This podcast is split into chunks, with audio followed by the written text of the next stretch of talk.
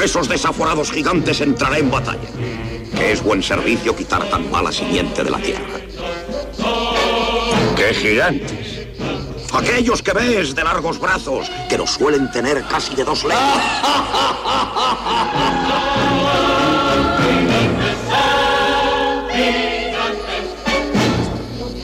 No huyáis, cobardes y viles criaturas, que un solo caballero es el que os acomete.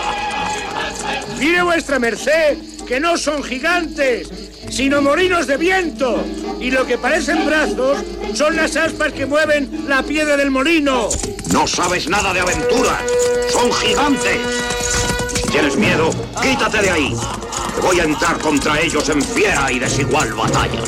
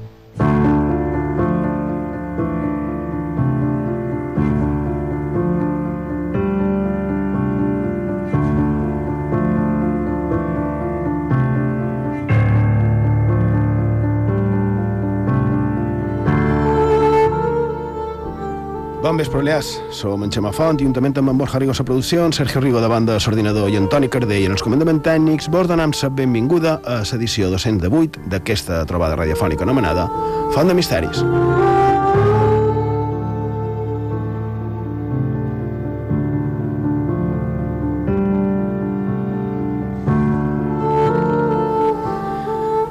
Encara que a Font de Misteris no volem entrar en temes d'actualitat, no és no.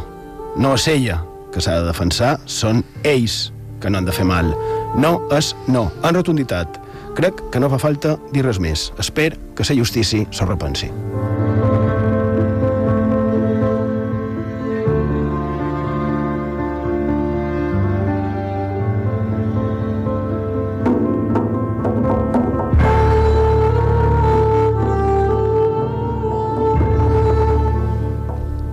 bon vespre.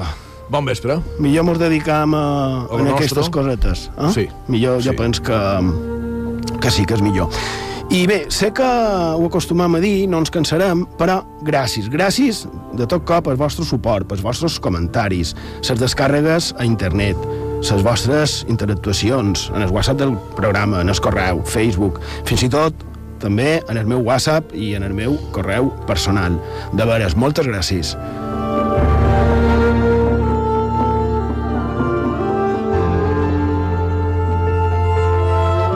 També gràcies per vostres comentaris que a més ens aporten coses, com per exemple, sabíeu que aquell tipus del que parlàrem la setmana passada, aquell Eratòstenes, que va calcular l'esfericitat de la Terra, era conegut, sembla que en el seu temps, fa 2.300 anys, era conegut com es beta, perquè beta és la segona lletra de l'alfabet grec, alfa, beta, eh?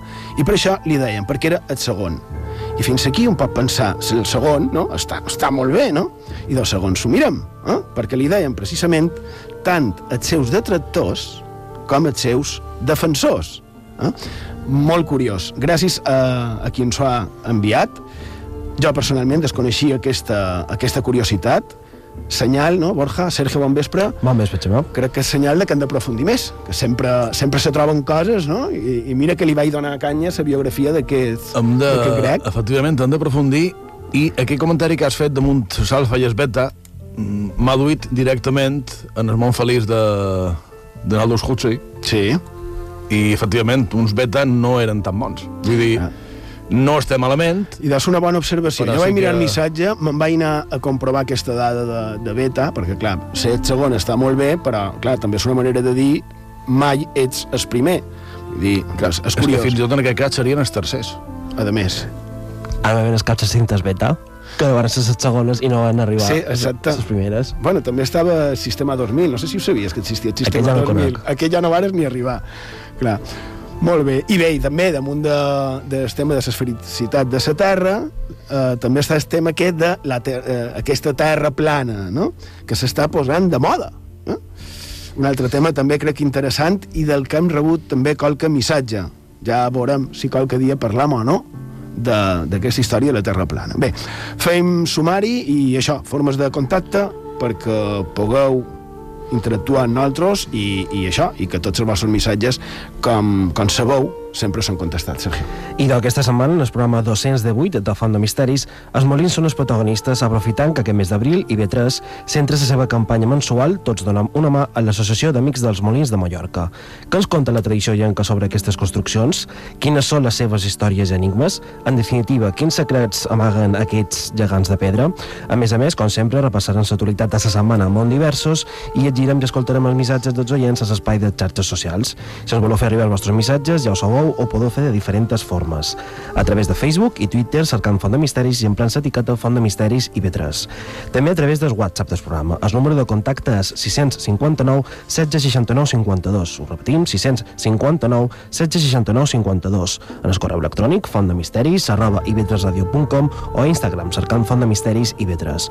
També podeu escoltar tots els nostres programes en el servei a la carta d'IB3 a ib3radio.com, a ivox.com i a fontdemisteris.com.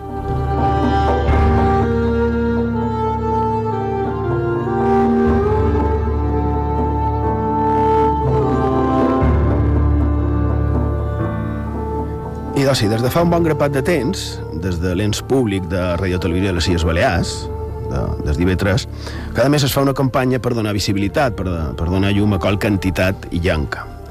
En aquest cas, aquest mes, aquesta campanya, eh, de, que es diu Tot donar una mà, està centrada en el que fa aquesta associació d'amics dels Molins de Mallorca, que és una entitat que des de fa de més mig, mig segle es dedica a la preservació dels molins en totes les seves modalitats i que té com a objectiu la protecció dels molins i, per tant, eh, del nostre patrimoni cultural, arquitectònic i també industrial.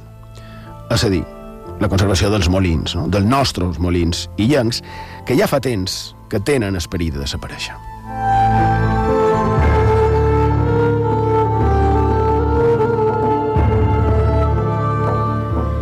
I això no és nou, perquè ja fa uns cent anys, a Silla de Mallorca, ja hi havia una associació anomenada Societat dels Amics del Vells Molins.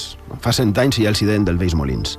Ha passat gairebé un segle i a dia d'avui hi ha aquesta Associació d'Amics dels Molins de Mallorca. A Menorca, en el 2011, es va crear una semblant, anomenada Molins de Menorca, i en el cas d'Eivissa i Formentera no tinc constància de que hi hagi cap associació amb, amb aquesta determinada eh, finalitat.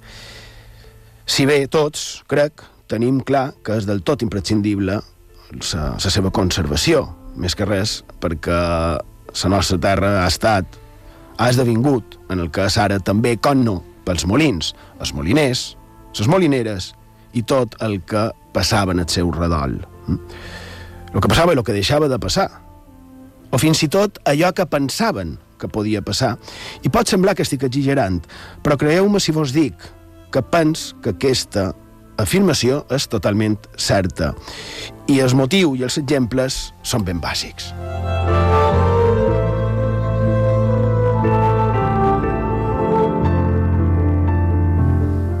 A Eivissa no entrarem en polèmiques, però a Eivissa des de fa molt d'anys s'ha tingut com a cert que tenen el que seria l'únic riu de ses illes, eh? el riu sense nom que dona nom a una localitat, el riu de Sant Eulari de Riu. I aquest, aquest riu, segons les veritats, sempre rejava el manco, el manco una mica d'aigua. Això faria pensar o deduir que com que l'aigua és vida, ja, la lògica hauria fet que el primer, tal vegada, assentament a Silla hagués estat just allà, on hi havia aigua corrent i facilitat de cedir-hi. I doncs no. Resulta que no sembla que fos així, perquè els primers assentaments haurien estat a les Salines, per causes òbvies, i més probablement en el que és d'Alvila. Els fenicis eh, devien anar a les illes a cercar sal, el millor punt per poder embarcar pot ser fos a Sant Antoni o, o, o i a Eivissa, amb dues, però clar, Vila té, tenia i té aquell cim que els hi podia servir per guarir-se. Així que s'establiren allà fortificant aquell puig, no? el que és d'Alvila. En canvi, a Sant Eulari el que es va fer va ser aprofitar aquell raig continu d'aigua per, efectivament, per fer molins d'aigua en els seus voltants i així poder dur a moldre la farina, bona part de la farina de silla. Eh? Perquè no obliden que des de temps immemorials i fins fa poc el pa era aliment bàsic, sovint únic. I clar, davant d'això un pensa, i si no hi havia una comunitat establerta a un nucli, a Sant Eulari, per què es va fer allà per d'haver l'any 1500 el Puig de Missa, eh? allà 1500 i pico. Perquè el Puig de Missa també era una església fortificada que es va fer precisament per guarir a la població, però a la població agrícola que hi havia pels voltants, Benimussa, Balàfia, Atzaró... És a dir, que crec que es pot dir que Sant Eulari, abans de ser un municipi, eh, el fantàstic municipi que és ara, i d'abans era una mena de molinar d'Eivissa Vila.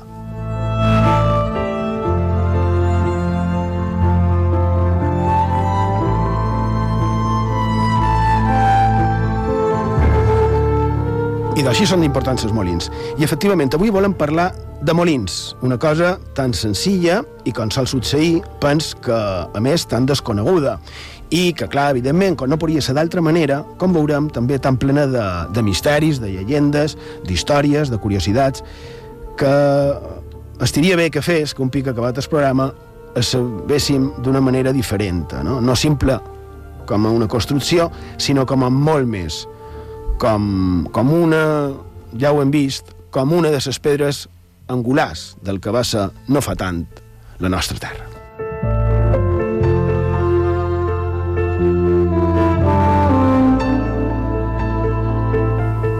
I quan parlem de molins, a cadascú se li ve una figura diferent. De fet, són diferents. I és curiós perquè no solem pensar en els diferents que hi ha, o que hi havia. Més que res perquè ara poca utilitat tenen aquells no? que eren emprats per ajudar a fer la vida una mica més fàcil. I de, hi havia bàsicament de tres tipus, independentment de la seva manera de construir-los, perquè són diferents entre, entre les illes. Però hi havia bàsicament tres, els molins de vent, els d'aigua i també els anomenats de sang. I això, aquesta diferenciació, era segons el que els feia funcionar. Bé, també hi havia un altre, que aquest estava menys estès, que serien els de foc.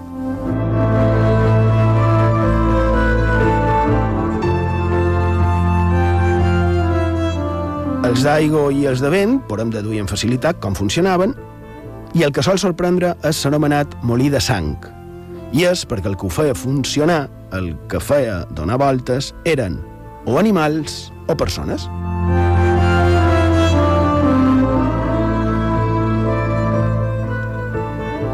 I els de foc, que serien mitjans vapor. Hm? Bé, el món dels molins i un bon grapat de llegendes, curiositats i misteris en el seu voltant. A Font de Misteris, a IB3 Ràdio. On la història es torna llegenda, a on el més quotidià es torna màgic. Acompanya'ns a la nostra Font de Misteris a IB3 Ràdio.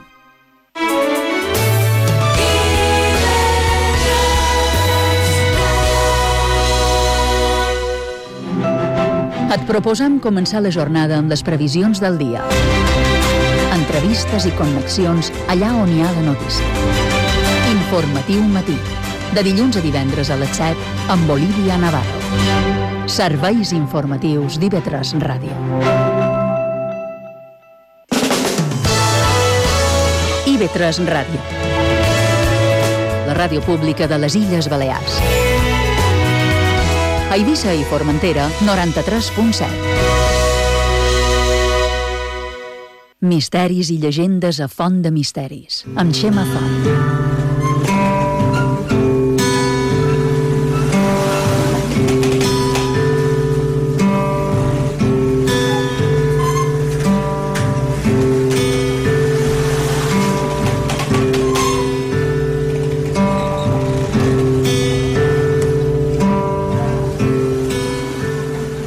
Font de Misteris, a la sintonia d'IV3 Ràdio, la ràdio pública de les Illes Balears. A Menorca mos podeu trobar en el 88.6 de la freqüència modulada i, com dèiem ara fa un moment, avui volem parlar, volem conèixer una mica més aquest apassionant món dels, dels molins i tot el que hi ha al darrere i tot el que ens han deixat els segles no?, damunt d'aquest tema, que són, ja dic, molt més que unes simples construccions amb una finalitat com podria ser moldre es gra per tal d'obtenir farina, però en té d'altres, no? com podria ser, ser uh, no sé, treure aigua, uh, obtenir oli i semblants.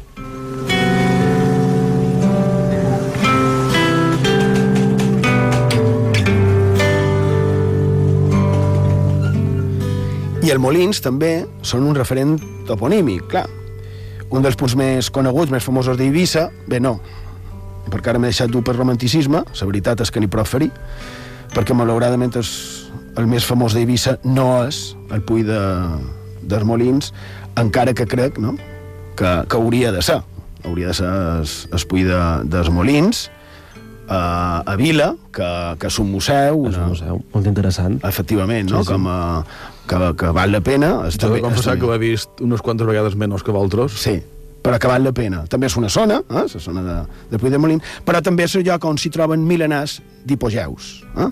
A prop de 3.000 tombes, diuen, eh, que han arribat en els nostres dies des de que aquella terra es va començar a emprar com el, el que coneixem com a, com a cementiri, no? I que es coneix com es Puig dels Molins precisament perquè allà hi havia, i encara en queden, això, molins. És un punt elevat on el vent els feia funcionar. El mateix que passaria, per exemple, en el Jonquet, a, a Palma, o també també a Palma, en el carrer Indústria, que vos heu fixat, el carrer Indústria, que està elevat, que has de pujar... Efectivament. I ara ara me crida l'atenció que es dels molins, serraves de tombes, i a part del Jonquet també és cert que hi havia enterraments. Sí, senyor. Sí, senyor. I és més curiós en el cas d'Eivissa perquè són més antigues, perquè les que hi havia en el Jonquet va ser sobretot quan se pesta. Efectivament. Per es, de, es despuï del molí estem parlant es, de mil·lenars. És curiós que coincideix sí, Sí que és curiós. Sí, sí que és curiós. Uh, hauríem de mirar en el Molinar, que tu ja coneixes bastant bé, el Molinar de Palma, també. Enterraments no, però a Brussot un parell. Sí. I de... I d'això, que bé, i a Menorca també tenen la seva associació molinera, no debades, allà també va ser ben important aquesta activitat, perquè han de pensar que antigament, si no eren autosuficients, estaven llestos. Eh? De fet, també una cosa semblant passava a Formentera, on, això ho vaig trobar en el diccionari català valencià balear, que sempre és una sorpresa. Perquè diu, a Formentera, diu, l'any 1955 encara quedaven cinc molins de vent que funcionaven. És curiós, perquè ho diu el diccionari. I perquè, clar, no podien en la mida del possible, dependre de l'exterior.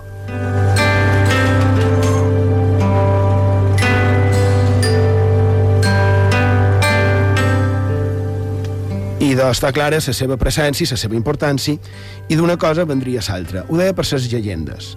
Els molins sempre han estat indrets màgics relacionats amb coses de, d'aquestes, no? aquestes que, que parlam a Font de Misteris, com per exemple els familiars, els, els dimonis boiats i altres d'aquests éssers fantàstics. De fet, les rondalles, les contarelles, sovint associen la seva activitat, la d'aquests éssers, vinculen-la amb els molins, com per exemple anar a la, a la cega i després anar al molí a moldre. Deia abans, citat, es dels molins a Eivissa. I d'allà, segons la tradició, era on precisament s'amagaven els berrugats, aquells éssers fantàstics tan relacionats amb la nostra terra.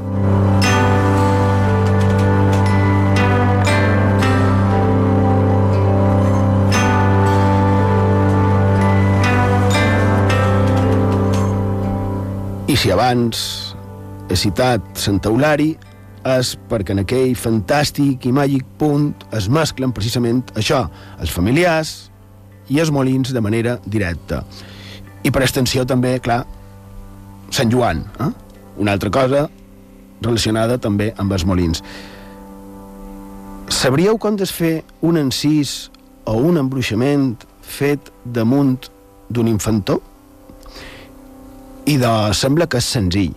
Si qualcú vol anul·lar, eh, eliminar un embruixament fet a, a un infant, el que ha de fer és la nit màgica de Sant Joan dur-los a veure rodar un molí.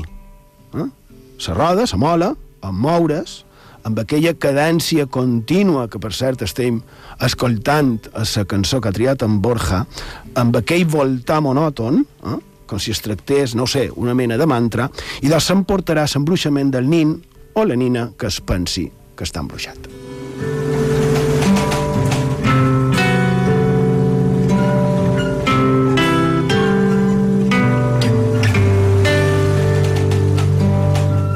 Ara, eh, a la majoria ens sembla clar una cosa més anecdòtica. Eh?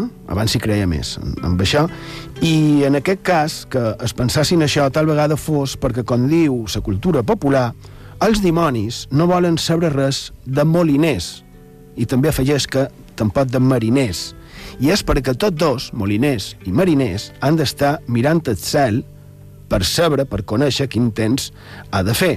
I això de mirar cap al cel seria, segons els que creien en aquestes coses, serien coses més bé del dimoni gros.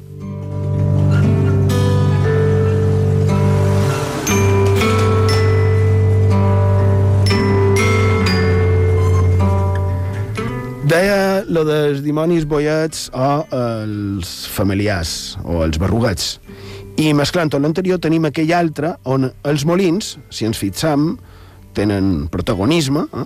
i de, tenen un protagonisme fins i tot vetllat. És una conterella que ens conta que una parella aconsegueix fer-se amb un d'aquests éssers fantàstics. I li mana fer un molí, però el molí no el varen poder acabar. I mira que aquests éssers et suposa que ho podrien tot. Eh? Són aquells éssers de, de feina o menjar, que estan arreu de les illes, i que a Mallorca i a Rondalla, en lloc de menjar, si no tenen feina, el que fan és una amenaça dient que tot farà un ull. Eh? I de, hi ha, per exemple, la rondalla de la flor de la falguera i els dimonis boiats, ja el tema de Sant Joan i això, on els amos aconsegueixen fer-se amb un parell d'aquests dimonions. Els comencen a manar feines, fer un canal d'aigua, per cert, fer un canal d'aigua, des de l'anomenada Font dels Molins, fer un pou, una paret, llevar un penyal, i fins i tot, quan ells reclamen més feina, l'amo, diu la rondalla, tot apurat i per llevar-los de davant, los diu, feis-me un molí de vent. Els dos dimonis boiats es posen a construir, però com foren a posar els creuers a la roda, aquí digueren, no en som, nosaltres posar una creu ni fer-la, allà on la creu mos ha desbarat tota sa potranca, que la posa el dimoni gros, s'hi troba que s'hi campa gairebé. Deixen en banda sa feina començada i com cent mil llams cap a l'amo a demanar-li més feina, més cremats i rebents que mai. Clar, aquí l'amo, assustat, no sabia què fer, no? Però sa madona va tenir sa solució. Els hi vam anar, anar a fer neta llana, eh? llana d'ovella negra, fins convertir-la en llana blanca els envia en el torrent a fer-ho, on encara hi deuen ser tractant d'aconseguir-ho.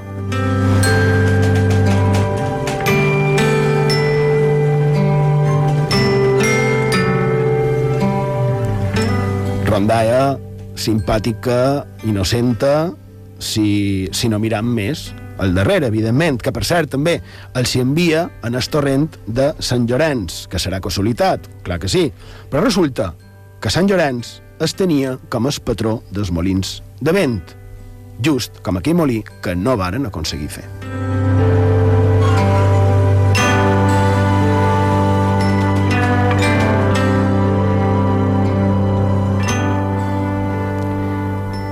I en aquest patró, a Sant Llorenç, els moliners de vent, el Manco a Mallorca, li demanaven que fes bufar el vent amb mesura i proporció per tal d'evitar problemes en el molí i que rodi bé sense fer destrossa. Diu, damunt d'això sembla que la torre del vells molins de vent insulars i en la part superior de la porta era freqüent veure una estampa de Sant Llorenç pintada damunt de rajoles, la qual els donava una nota simpàtica de tipisme. Mm? Jo desconeixia totalment aquesta dada, no sé vosaltres si la coneixíeu. No, si hi ha qualcú que tingui eh, qualcuna d'aquestes imatges de Sant Llorenç feta a un molí, que per favor ens agradaria moltíssim que ens la fessin arribar.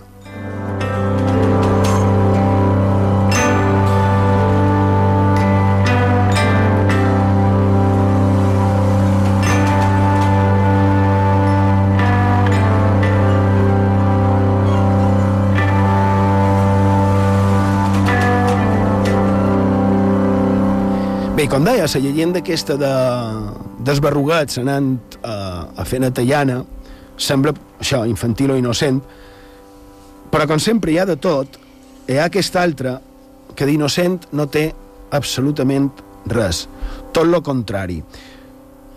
Surt del recull de mossèn Antoni Maria Alcobé i es titula Es moliner des Molinou i dues bruixes.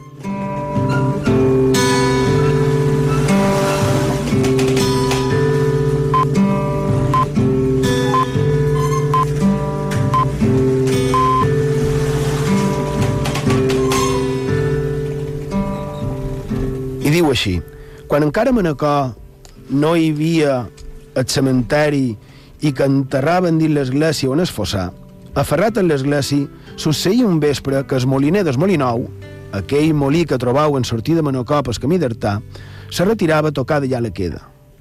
Passa pel fossar, que tenia sa parell baixeta, i afina dues bobotes. S'hi arramba per veure què era, i foren dues bobetes que deixullaven un infant mort. Ja són bruixes, pensà ell, que deixullen aquest infant per dulce trossos a cau seva, coure'l i fer-ne un guent per un tercent i poder volar. Això fa que el pensament que li venga tot d'una. Però aquelles dues, s'entemen d'ell, no se'n pensaren cosa bona i ja estan afuades com a lleones. Ell ho dona ses cames, corrents tant com podia cap a cau seva, i elles, darrere ell, ja t'agaf, ja te tenc. I ell, de quatres, tant com en podia treure. A la fi, arriben al molí, pega s'empenta ses portes en tota sa força, ses portes es badallaren i pogué entrar. Li vengué ben rinxo-ranxo, amb un poc més, ses bruixes la pleguen. L'home s'endugué tal regiró que li caigueren tots els cabells i fou tota la vida un pelat de la pedladesca d'allò més pelat.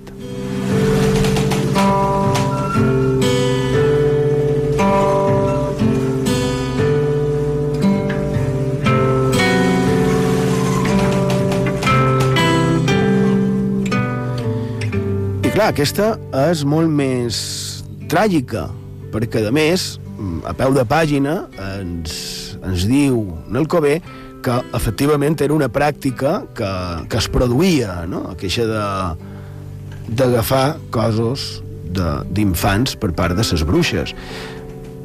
En canvi, li dona eh, eh, en aquesta rondalla es, que li caigueren tots els cabells i era un pelat de la peladesca, no?, a, a damunt. Baixant-li una miqueta el to dramàtic, certament dramàtic, però bé, eh, podem veure no? com és verdaderament una cosa ben, ben antiga, arrelada dins el llegendari i també dins la història. I, i és que ens ve d'en fora, està clar. Tant és així que en els temps de la conquesta ja hi havia un bon grapat de molins, mm? que alguns d'ells surten en el, en el llibre del repartiment, i fins i tot estaven constituïts els moliners en gremis, mm? que crec que també és un tema apassionant, la dels gremis, a tu, Sergio, és un tema que t'agrada i a vegades... Molt interessant, sí, sí. A vegades en els llibres aquest dels oficis... És, els oficis de, de Mallorca, les illes? Crec que és de Mallorca. De Mallorca, sí, sí. sí. Que són sis volums. Sí, sí. Eh? I, i, i, I fins, i tot, fins i tot xerdes de l'ofici de bruixes. Sí, exacte. És, Sí, sí, és impressionant, és val la pena. I de, en aquest cas, eh, els gremis, el que vendria a ser, no sé, una mica les mútues, associacions de treballadors, també propietaris, i en aquest cas dels moliners. I amb això podem extreure la importància que varen tenir i veure una mica més com era, com devia ser, la vida, la vida i, i les normes, les lleis, a la nostra comunitat. La veritat és que m'ha sorprendre molt. El llibre consultat no és, és que aquest, aquesta col·lecció de, de, de sis volums que han comentat amb en Sergio. És un altre, és de 1939, el meu és una reedició que es va fer l'any 80, titulada Los gremios de Mallorca. I parla, entre molts, del gremi de moliners. I diu que en el segle XIV ja estava constituït el gremi. Eh? És a dir, ens ve d'antic, segle XIV. El gremi ja constituït, és que Mm, bé, i, i això, diu que selecció dels membres de la Promènia, és a dir, els membres de la confraria, s'havia de fer el dia de Sant Bernat. I el càrrec del que es coneixia com a sobreposat, és a dir, el membre dirigent de la corporació gremial, només podia tenir-lo, aquest càrrec, un propietari de molí, que, per cert, no va ser fins molt d'any després, més d'un segle, que aquests moliners que ocupaven aquest càrrec, eh, com li havien de dedicar molt de temps, començaren a cobrar. eh? i ho feien del fons comú que tenien. No estic dient res, només estic mirant la història. Eh? Un ducat d'or anual. Estem parlant de l'any 1533. Seguim amb això. Si un forner devia d'obvers a un moliner, la resta de moliners no li podien fer cap feina fins que el que devia els diners, els dobbers, hagués saldat el deute. Eh? En cas contrari, sanció de 10 sous. I una altra, aquelles gens de fa 500 anys, si un treballador d'un molí es posava per lliure, es, posava d'autònom, eh? no podia acceptar cap feina dels clients del seu anterior patró. És curiós. I en cas de faró, podria rebre una sanció de 20 sous i si abans havia estat captiu, 50 sots. Eh? Una manera de respectar unes normes, en aquest cas comercials, una mica bèsties, no? O, o unes normes com contractuals, no? com, com encara hi ha avui dia, aquestes normes, però, però abans eren més radicals. Per exemple, una altra norma que encara a dia d'avui, eh, però no tan bèstia, un treballador d'un molí, si volia deixar la feina, havia, estava obligat a donar un preavís de 10 dies, si no, multa de 100 sous.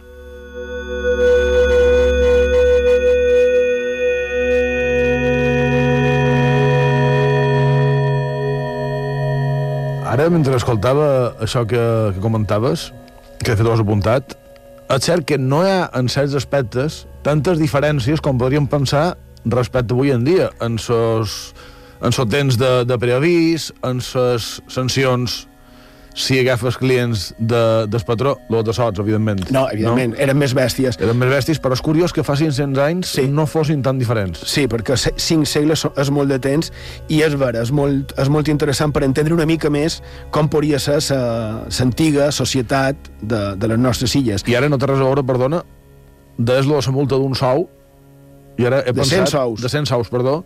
I ara he pensat, que això era una parada d'aquella època... Sí, i 50 sots no te diré el que era. I he pensat que un segle després la multa que li posaven es compta mal, que eren 1.500, vull dir... Sí, però no és el mateix. No és el mateix. No és un treballador que se fa autònom contra un... Bé, contra es compta mal, contra es compte de Santa Maria de Formiguera. Eh? Bé, hi ha més exemples curiosos hem vist els exemples de respectar la feina dels moliners, també els seus interessos, clar, i hom pot pensar davant d'això que es tracta d'una cosa corporativa, no? una cosa tancada, que ells ho feien per protegir-se a ells mateixos i que eren tot normes que anaven en el seu propi benefici. I de no, i de no, n'hi havia d'altres, com aquella que prohibia anar damunt ses bísties de càrrega, col, col, col carlès, eh, anar muntat a damunt, quan anaven aquestes bísties carregades de farina o gra i sabeu per què es feia? Per tal, simplement, d'evitar el patiment de l'animal.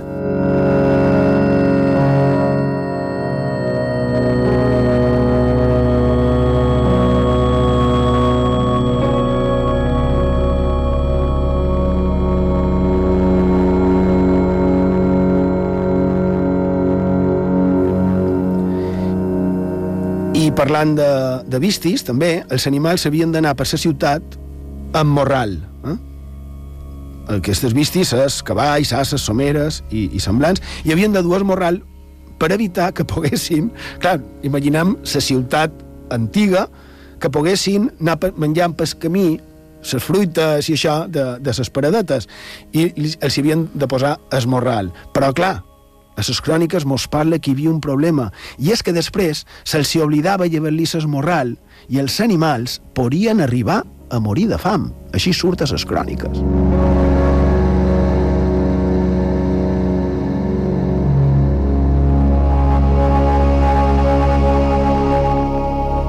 No me vull estendre massa més amb aquestes normatives del gremi de moliners, eh? però és curiós perquè també estaven estipulats els descansos. No es podía moldre els dissabtes ni vigilias de los días señalados desde la puesta de sol hasta el toque de vísperas del día siguiente. Eh? També hi havia sancions, sancions, sancions perdó, internes, a part de, de les que pogués haver per part de les autoritats, en cas de blasfèmia o jurament.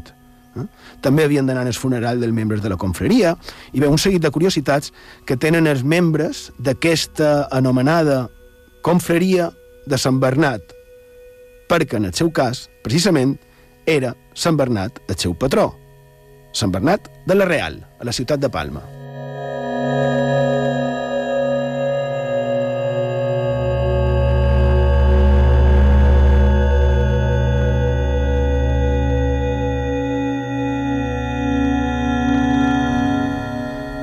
És curiós que el triat fos aquest sant, més que res perquè les normes que he dit abans estaven molt relacionats amb el gremi dels moliners d'Aigo, i curiosament, al igual que Eivissa, els molins d'Aigo eren de vora allà a Sant Eulari del Riu, i de Mallorca era precisament en els voltants de la Siqui de Navestera, que justament la cadú dels extents dels àrabs, Aigo fins a Palma, i passa pel monestir de la Real, per el que es coneix precisament en el barri del Secà de la Real simplement com Sant Bernat.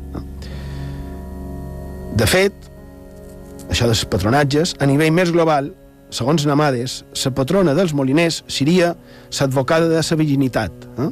Això per un altre dia, però seria Santa Irene, que, a part de lo de la virginitat, era germana de Sant Damas, que en teoria va ser moliner, al igual que el seu pare i la resta de, de la seva família, i així trobam escrit Segons la veu popular, antigament resultava perillós per a les dones d'anar a moldre, perquè els molins oferien poca seguretat a llur honra. La literatura popular es fa ressò a través de diversos documents de la llicència i la llibertat que sembla que regnaven en els molins. Santa Irene, anat i viscut en molí, coneixia bé els seus malusos i de sí que s'erigís en protectora de les dones que es veien obligades d'anar-hi i, en general, de la puresa i la virtut femenines.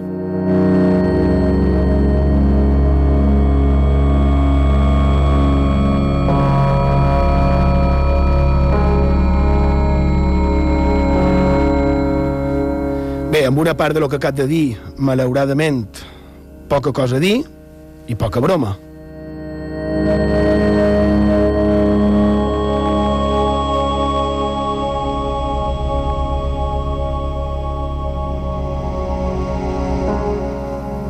Bé, sí, una cosa sí que, sí que vull dir sense entrar en sa, en sa poca seguretat que hi havia de que una dona anés tota sola a un molí, per això dic que amb això poca broma, sinó referit en això, eh, de la que Namade s'anomena llicència i llibertat dels molins, perquè en el final tot està lligat.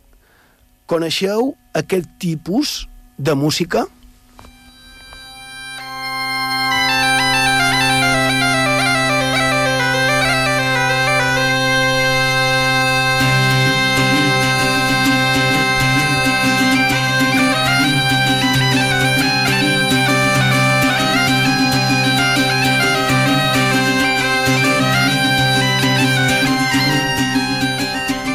Això és el que es coneix com una muinyeira.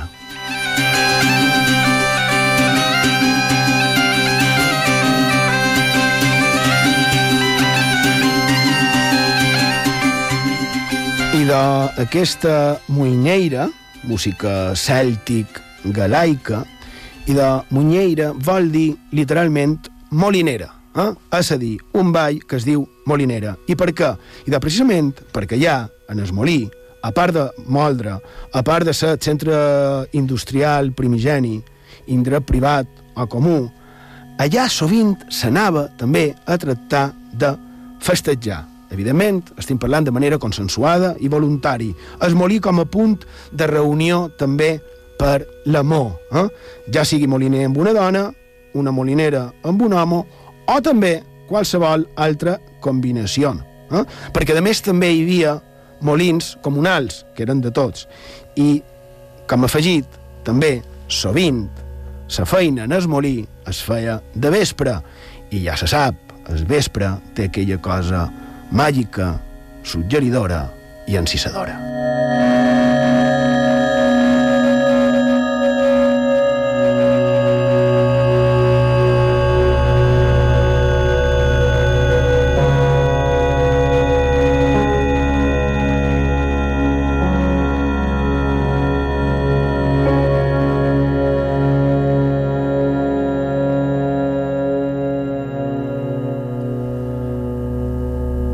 Dir en Santiago Rossinyol, en el seu L'illa de la calma, diu un molí vell és una cosa tan formosa i tan venerable com qualsevol edifici històric.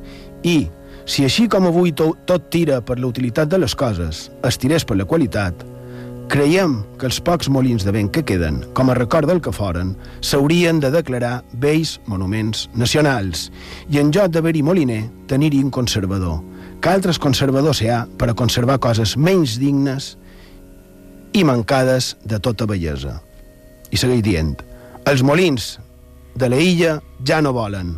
Quan volaven, altre temps, i fins morts i tots, com ara són, tenen el do de recordar i això tenen de bo les illes, que això que no tenen ho suggereixen.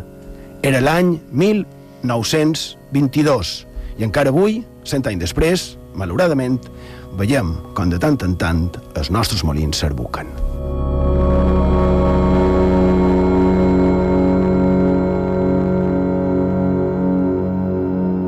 A IB3 Ràdio, Font de Misteris, amb Xema Font.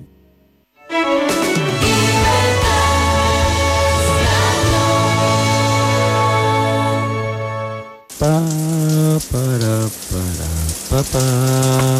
Na na na na na na na na na na na na La la la la la la la la la la la la La gran vida amb Cristina Bugallo dissabte i diumenge a les 11 del vespre a IB3 Ràdio.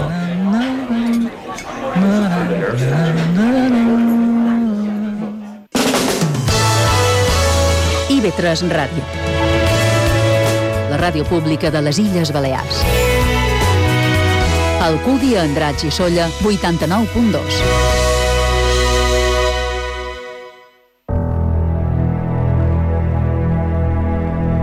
Misteris i llegendes a Font de Misteris, amb Xema Font.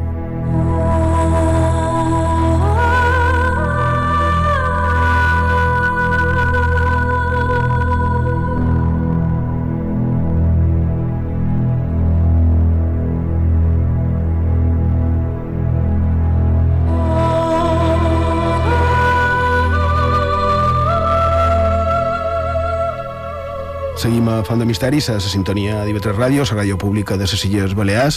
Els pitiuses mos podeu trobar el 93.7 de la freqüència modulada i Bé, ara començam aquesta secció molt ràpid, tractant d'espipellar les notícies, aquestes coses que surten a altres mitjans de comunicació o que trobam que són adients, interessants i que tenen relació amb el programa. I ara, en Borja, mentre teníem aquesta petita pausa, m'estaves comentant efectivament que no, no ho han dit. Se No, no ho han dit? Coses. Vos heu entemut de que són vius i ben vius? Sí, afortunadament. Això que vol dir que una vegada més la fi del món, que havia de ser dilluns passat, si no recordo malament, Dilluns, sí. no ha arribat. El dia del llibre, afortunadament perquè jo vaig gaudir de, de ses paradetes, en el meu cas, en guanya Palma, però sí, efectivament. Arbara havia de- d'acabar-se el món dia 23 d'abril, una altra vegada, i no. no. El, el planeta no, va, no se va estavellar contra la Terra. Bé, ja ho va dir la NASA que no passaria.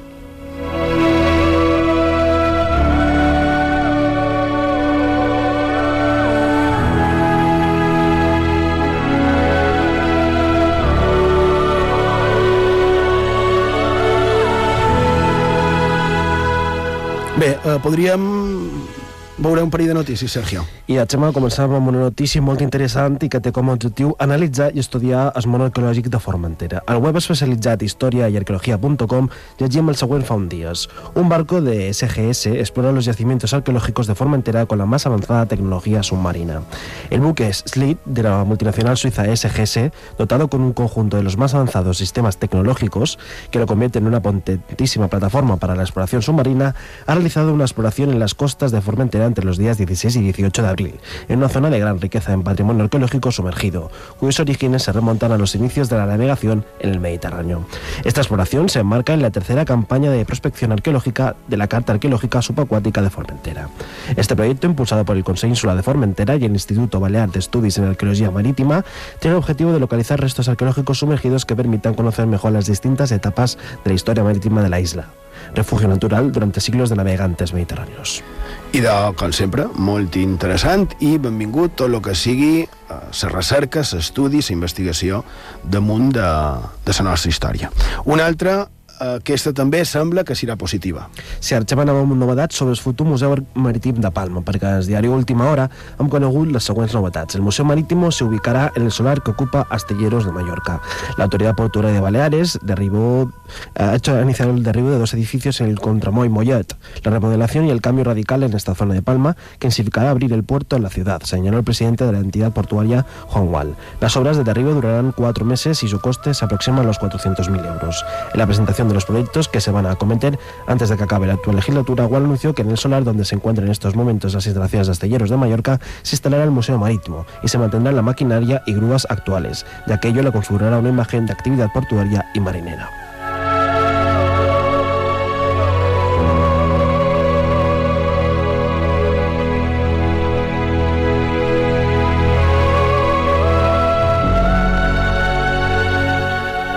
I una que també podem dir que és positiva. És positiva, però no és positiva, però bé. Sí, ara ens anem fins a Menorca perquè en el diari menorca.info han conegut la següent notícia. Los técnicos concluyen que las pintadas en Sanaveta no han penetrado en la piedra. Per aquesta part, evidentment, és positiva. La part negativa és que hi hagi hagut qualcú que s'hagi dedicat a fer malbé el nostre patrimoni. I no oblidam, avui que hem parlat d'Eivissa de, i dels Puig dels Molins, no oblidam que un molí dels Puig dels Molins d'Eivissa del segle XVI, també qualcú, eh, es va dedicar a fer pintades. Espero que, que els trobin, sincerament. Digues. Y de título digo, los técnicos concluyen que las pintadas uh, no han penetrado en la piedra. El Consejo optará por una solución biodegradable para eliminar las pintadas vandálicas en San de Estudons. Este lunes pasado se ha presentado el resultado de las analíticas y pruebas de restauración realizadas sobre las pintadas.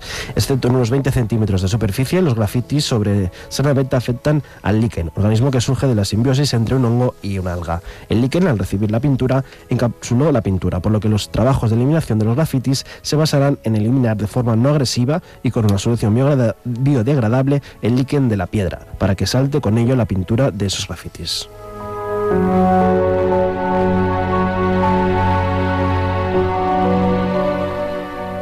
Recordeu que no fa tant d'anys se podia entrar lliurement dins Navata d'Estudons, però no una recinta, Bueno, dins. dins, dins i, i pujar a dalt, Efectivament. i no fa tant. I ara, malauradament, per culpa de- d'uns desgraciats, mm, l'hauran de tancar per evitar que se tornin a succeir fets semblants. Ja, és que m'indigna de manera increïble. jo, jo recordo haver pegat en so cap a l'entrada.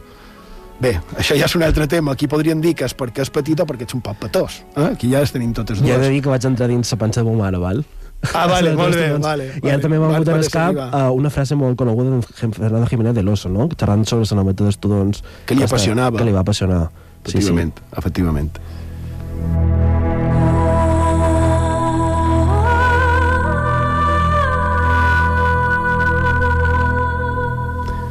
Bé, podríem anar donant formes de contacte. Recordeu que tots els missatges que ens envieu són respots i, i Sergio, si vols, eh, apunta... Val, I de, dona formes de contacte. I de sabeu, us podeu enviar els vostres missatges tant a Facebook com a Twitter cercant Font de Misteris.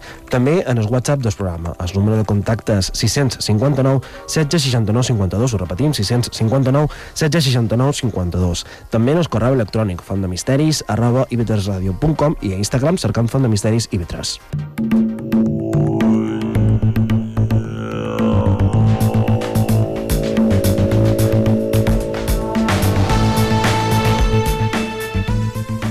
I d'hom arribat a la fi del programa d'avui. Esperem que hagueu passat una estona agradable i que hagueu pogut treure qualque cosa a profit d'aquesta font de misteris. I hem citat a Santa Irene. I d'ella, segons certes cròniques, tenia un germà major, que era en Damas.